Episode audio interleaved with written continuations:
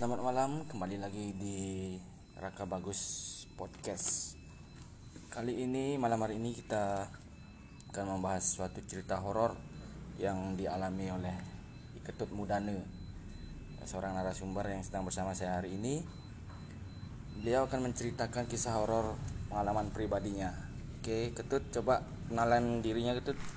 Nah, nama saya si uh, Ketut Mudana, asal dari Bali, lahir di Den Denpasar, Banjar adat Karangasem, Banjar dinas di Denpasar. Itu. Terus saya juga seorang youtuber, jangan lupa like, comment, share di uh, channel saya YT Mudana. Namanya YT Mudana itu disambung ya, tidak ada spasinya.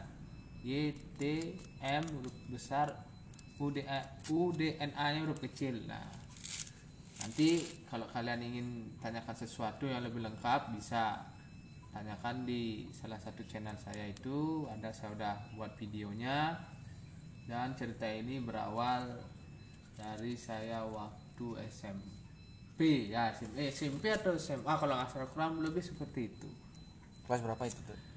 itu saya lupa itu kayaknya SMP apa SMA antara itulah ya kak SMA ada kelas 1 tuh kelas 2 SMA ya. Ya ya ya saya waktu itu kejadiannya bahwa udah bisa naik sepeda motor saya punya motor SMA itu.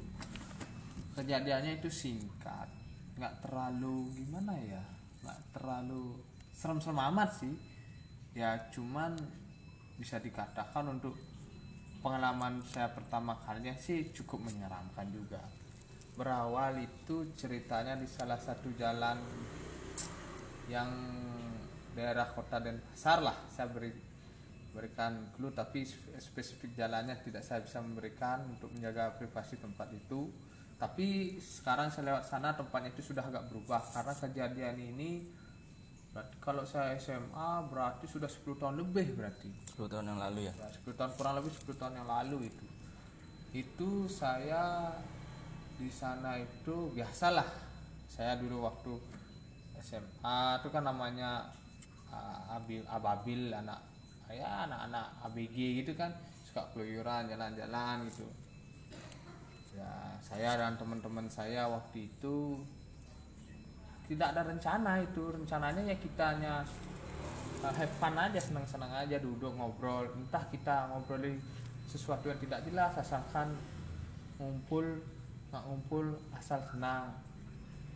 Di sana kita ngumpul awalnya kita ngumpul di dalam suatu ruangan dalam artian bukan ruangan dalam rumah di halaman depan rumah. Jadi kita ngumpul duduk-duduk sana tiba-tiba kita pindah ke depan. Ya di samping jalan raya lah. Samping jalan raya itu kita duduk di sana. Saya nggak tahu waktu itu kita duduk sampai jalan raya dan duduk di posko kan. Nah, poskonya itu sih gelap. Itu kejadian Ya. jam berapa Tut? itu nggak nggak nggak tahu saya ngeliat ke jamnya tapi udah suasana tuh jalan rayanya Larut sudah malam. sepi. Udah larut malam. Udah larut malam itu sudah sana. Ya mungkin sekitar jam satu jam 2an lah. Karena pada dasarnya waktu saya ya masih SMA gitu sangat jarang tidur lebih awal. Apalagi waktu itu kalau salah malam minggu itu. Ya pastilah kelayaban lah gitulah sama teman-teman yang lainnya. Entah ya ke mana yang penting dapat keluar lah gitu kita duduk-duduk ngobrol gitu kan di sana sama tiga orang empat orang? Lupa saya. Pastinya berapa orang itu. Nah dari kejauhan itu salah satu teman saya tuh melihat gang kan gang itu. Ya jaraknya sekitar 25 meter dari tempat kita duduk di posko itulah. Ya 25 meter atau berapa kurang tahu pastinya seberapa. Pokoknya masih bisa dilihat lah dengan mata teman saya itu kan. Saya terus terang waktu itu kan agak aneh aja kurang begitu meyakinkan juga. Kurang begitu meyakinkan tiba-tiba tanpa sengaja teman saya melihat sesuatu. Melihat sesuatu itu dia terpana gitu kayak bengong gitu. Dan berkata itu apa? gitu kan. Itu apa? Dia memanggil saya eh memanggil saya dan teman-teman saya saya nggak pertama tidak terlalu hiraukan kan lagi asik ngobrol sama teman saya di samping. Akhirnya teman saya dipanggilnya dipanggil satunya. Akhirnya dia ngeliat dari sana itu dari jauh itu kenapa jam segitu kok ada kain putih loncat-loncat gitu kan. Loncatnya itu bukan ke arah menuju kita tapi arahnya menuju jauh sana. Kita berpikir dari sana. Saya waktu itu kasih tahu langsung dikasih lihat eh itu apa itu? Coba coba lihat itu itu apa itu saya bengong saya kan saya belum tahu kayak gitu sebenarnya awalnya. Bengong saya. Bengong saya liatin itu. Dia men- loncatnya tuh menjauh bukan mendekat. Ya syukur deh tidak mendekat ya. Lebih baik dia melompat berjalan lompat menjauh itu keadaan sudah sepi itu. Dan anehnya tuh kejadiannya di sampai jalan raya itu. Tapi waktu itu keadaannya udah sepi. Yang Loncat, melihat loncat. berapa orang yang melihat? Ya kurang lebih empat atau lima orang lah. Nggak tahu nak kurang lebih segitulah. Saya nggak terlalu ingat itu waktu itu udah itu loncat-loncat. Teman saya semua bubar semua lari. Saya dengan kabut juga nggak tahu apa apa ikut juga lari saya. Nah, itu akhirnya sampai lari-lari-lari gitu kita lari semua saya ditinggal awalnya itu semua lari sama si bengong meyakinkan apa itu karena saya kan nggak tahu. Tapi saya akhirnya tahu sekarang sih. Saya udah tahu itu makanya ya saya nggak mau ketemu itu lagi gitu lah maksudnya lari semua teman-temannya. Saya ikut lari saya sampai di dalam itu kita itu malah ketawa bukannya merasa takut aneh karena ya gimana lah pertama kali lihat seperti itu. Kayak mereka itu nggak percaya aja. Ada yang ketawa teman saya ada yang takut juga nggak berani keluar. Bahkan ada juga yang nginap langsung di rumah teman saya belum nggak berani pulang waktu itu. Tapi saya waktu itu saya pulang gitu. Karena saya belum paham kayak gitu gitu cuman saya percaya aja kepada yang di atas kepada ide sang yang ide sang yang dewasa sebagai Tuhan saya selalu melindungi saya. Biasa biasa. Cuma waktu itu saya udah hampir pagi banget. Nah ya nggak ya lewat pagi lah.